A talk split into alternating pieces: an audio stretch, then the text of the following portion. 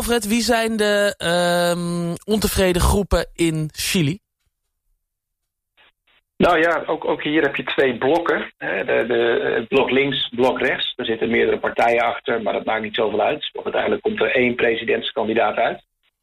Uh, elke president mag hier maar één termijn uh, regeren. En daarna moet er een andere president komen. Maar daarna mag die president bij de, bij de verkiezingen daarop wel weer meedoen. Dus je krijgt hier een soort spelletje van elkaar afwisselende presidenten. Dat gebeurt er eigenlijk. Uh, ja, ja, we hebben hier dus nu Piñera. Ja. En voor Piñera had je Bachelet. Daarvoor had je Piñera. en daarvoor had je Bachelet. En wat is daar het idee achter? Ja, ja uh, je mag natuurlijk niet te lang aan de macht blijven. Want nou ja, dat, dat, dat, is natuurlijk heel slecht. Um, maar één periode is ook maar zo kort. Dus ze hebben nu dit bedacht. En ja, op zich werkt het wel vrij goed voor wat ze willen voorkomen. Maar het rare effect is een beetje dat iedere presidentsperiode uh, toch wel redelijk vaak begint met het ongedaan maken van wat de voorganger heeft gedaan. Ja. Dus als jij hier in Chili progressief bent en je wilt je land ook een beetje vooruit zien gaan op allerlei thema's, ja, dan ben je hier wel redelijk ontevreden, denk ik. Dus er, er is een president, die heeft allemaal plannen. Dan komt na een uh, tijd de volgende president, die trekt al die plannen weer in. Dan is die oude president weer, die heeft al die nieuwe plannen weer. En dan is de volgende president weer allemaal aan, aan het intrekken. Dat is wat er gebeurt. Ja, ja, zoals er in Nederland ook wel eens in de, in de Eerste Kamer een plan getorpedeerd wordt dat eigenlijk al helemaal klaar lag. Uh, zo is hier dan de, de, de nieuwe president uh, die met name plannen die wat langer op de rol staan uh, probeert pootje te halen. Hm. En, en wie zijn er op dit moment ontevreden? Met andere woorden, wie is er op dit moment aan de macht dan? Ja, op dit moment is Piñera aan de macht. Die is van rechts. Dus de linksen zijn ontevreden. Nou, dan moet je ook denken aan mensen die um, die willen dat er hier een beetje een ordentelijke abortuswet komt. Uh, maar in ieder geval, de, de grootste groep die ontevreden is, zijn de studenten. De studenten, waar, waar zijn die ontevreden over? Nou, de studenten die hebben dus tijdens de vorige periode Piñera... Uh, hebben die al wekenlang op de straat gestaan hier... Uh, omdat het universitair onderwijs, uh, dat is hier privé. Eigenlijk zonder uitzondering. En Chili is een zich ontwikkelend land. Denk aan een gemiddeld inkomen van zo'n uh, eh, 1000 euro in de maand. Maar het is het vierde land ter wereld als je de kosten van de universiteiten bekijkt. Dus de universiteit is eigenlijk praktisch onbetaalbaar. En dat betekent natuurlijk ook dat alleen maar de rijkeren echt die toegang hebben. Nou ja, dat is natuurlijk reden voor, uh, voor studenten dan ook om massaal in actie te komen. Mm -hmm. uh, het is tegelijkertijd wel een beetje gek, want jouw ouders liggen dus ontzettend krom om jou op de universiteit te krijgen. En die betalen duizenden euro's per maand. En vervolgens ga jij niet in een leslokaal zitten, maar ga je op straat staan. Is het ook niet mogelijk? Want uh, liggen de lessen gewoon stil, ook voor mensen die eigenlijk uh, niet op straat willen staan? Ja, ik denk dat als er genoeg mensen de straat op, staan, op gaan... dat uh, die paar mensen die nog wel willen lessen uh, een, een leeg klaslokaal treffen. Ja. Maar ja, dat was, dus, ja, dat was al in, in 2011. En nou, Bachelet heeft ook de verkiezingen overtuigend gewonnen destijds. En die heeft er hard aan gewerkt om het gratis universitair onderwijs voor elkaar te krijgen. Kijk. En dat, dat krijg je natuurlijk niet zomaar voor elkaar, dus dat duurt wel een jaar of vier.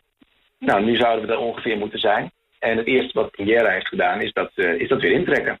Dus ja, dan breekt natuurlijk ook meteen de pleuris weer uit. Ja. Dus we hebben weer gigantische studentenprotesten. Nou, dat, dat was dus al een behoorlijke ontevredenheid.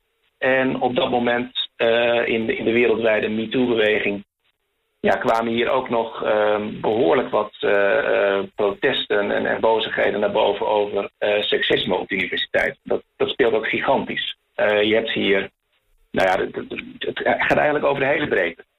zelfs de, de, um, in de curriculums wordt dan, worden dan voornamelijk boeken van mannelijke auteurs gekozen de meest belangrijke opleiding in de ogen van velen. Uh, daar zitten mannelijke professoren, er zitten mannelijke studenten. Daar worden vrouwenvriendelijke grappen gemaakt. En studentes en docentes die worden een beetje gedrukt naar die, nou ja, wat zij dan minder belangrijke opleidingen achter. Dus dat is al een heel gedoe. Ja. En daar kwamen dan ook nog eens twee um, uh, seksuele intimidatiecases of aantastelijkheden uh, naar voren. En daar geldt keurig een protocol voor. Maar ja, dat wordt door de universiteit zelf onderzocht uh, met een eigen commissie. allemaal mannen natuurlijk. geen inspraak van de studenten. En het wordt dan uiteindelijk geseponeerd. Of, of er komt iemand met een berisping van af. In dit geval werd er dan een, een professor overgeplaatst in plaats van ontslagen. Ja, ja en, en, toen was de boot natuurlijk goed aan. Vertel. Nou ja, we kregen hier een, eh, een, een, een echte maagdenhuisbezetting. Ze begon op één universiteit. Ze heeft een uh, aantal studenten heeft, uh, een gebouw bezet. Ja. En dat, uh, dat, dat spreidde zich eigenlijk als een olievlek uit over Chili. En, en door alle universiteiten heen werden, werden de gebouwen bezet door vrouwelijke studenten.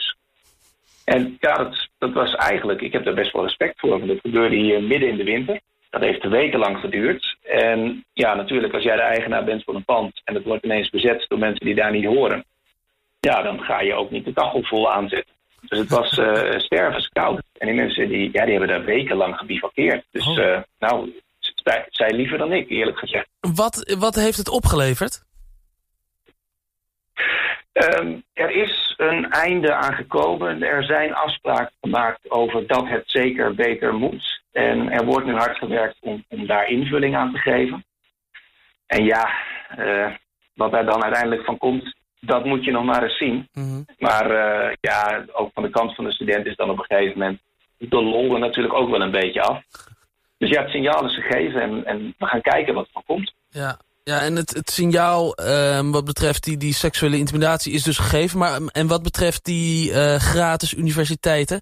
is er een kans dat het toch nog gaat proberen? Of is het ja, nu gewoon klaar? Nou, gratis uh, onderwijs en publieke universiteiten... ik denk dat het in deze regeringsperiode zeker niet van komt. Mm -hmm. Maar wat in ieder geval al wel een wet was... is dat je de winsten die universiteiten maken... weer geïnvesteerd moet worden in het onderwijs... En er waren allerlei nare manieren bedacht om daaraan te ontkomen. En ik hoop dat dat in ieder geval een beetje verbetert. Ja, ja dus het kan niet zo zijn dat als je werkt bij een universiteit... dat je er stiekem heel erg rijk van wordt. Nee, nee dat zou niet zo moeten zijn. Nee, nee. En zeker niet als eigenaar van de universiteit. Nee, dat is een rare situatie. Uh, behalve de studenten zijn er meer uh, ontevreden groepen in uh, Chili, namelijk de, de taxichauffeurs. hoe zit dat? Ja, dat, dat is een heel opmerkelijk verhaal. Die, die taxichauffeurs, zoals overal ter wereld, hebben natuurlijk, uh, zijn ontzettend kwaad over de ontwikkelingen van Uber. Mhm. Ja, en, en wat mij betreft ook wel terecht. Want uh, hier kost een taxi al niet zoveel. En ja, die mensen moeten gewoon een, een uitgebreid uh, certificatiesysteem doorlopen. Die moeten een, een licentie aanvragen. Die zijn verzekerd voor hun passagiers. En ja, je mag er verder van vinden wat je wil. En of dat nou echt betere kwaliteit oplevert. Maar laten we eerlijk zijn, als je hier een, een half uur in een taxi zit, eh, dan betaal je ongeveer een tientje. En dan kun je daar met, uh, met, met Uber nog een keer voor de helft. Dus betaal je 5 euro. Ja, ja dat, begint toch wel een beetje naar uitbuiting te ruiken, moet ik eerlijk zeggen. Ja, dat, dat zeker. Dus, dus nou ja, taxichauffeurs zijn boos. Taxichauffeurs zijn boos, maar ja, ik vind dat zij doen dan niet zo heel erg handig. Uh, zij gaan dan uh, allemaal met hun taxi naar het centrum toe. En dan uh, gaan ze in het centrum langzaam rijden. En dan creëren ze dus een gigantische opstopping. Mm -hmm. Ja, die mensen die in die opstopping zitten zijn kwaad. Want die, die staan ineens twee uur lang in de file. Op de taxichauffeurs? ja, en in de rest van de stad is geen taxi meer te vinden. Nou woon ik niet in het centrum. En nou moest ik laatst een taxi hebben. En dat was dus een protest. En ja, dan kan ik dus geen taxi vinden. Dus mijn enige optie is dan om toch maar een Uber te nemen. Dus ja, je demonstreert ergens tegen en je stimuleert mij als inwoner toch om het tegenovergestelde te doen. Want had jij die app al uh, op je telefoon staan? Nee, ik had die heel principieel niet op mijn telefoon staan. Ja. Totdat ik ergens stond en er geen kant op kwam. Dus ja, sindsdien heb ik de Uber-app op de telefoon. Nou ja, dat is wel heel erg jezelf in de vingers snijden, die taxichauffeurs. Dus um, nou ja, het wordt alleen maar lastiger nu. Ja, ik, ik, ben heel benieuwd hoe dit verder gaat. Er is een wetsvoorstel om, om Uber en, en andere uh, beats en hoe heet het ook alweer allemaal ook te legaliseren. Ja. Maar uh, volgens mij is het allemaal netjes, want daar wordt dan even keurig met certificaten, verzekeringen en dergelijke als eis aangehangen. Mm Maar de taxichauffeurs zijn, uh, zijn hartstikke tegen. En ja, volgens mij komt er ook geen compromis. Nee. Nou goed, we gaan het in de gaten houden. Over het algemeen zijn de mensen in Chili uh, tevreden? Ja, de, de Chileen is in zijn volksaard uh, toch wel een, een persoon die niet te veel klaagt en niet te veel overal tegen de hoop loopt. maar min of meer ontvangt wat het leven hem geeft en, en er wat moois van maakt. En ach ja, als je net vijf dagen hebt staan te barbecuen, wat maakt het er allemaal nog uit? Ja, dronken barbecuen vijf dagen, dan mag je niet ontevreden zijn als volk. Precies, drie vrije dagen en een weekend, wat wil je nog meer?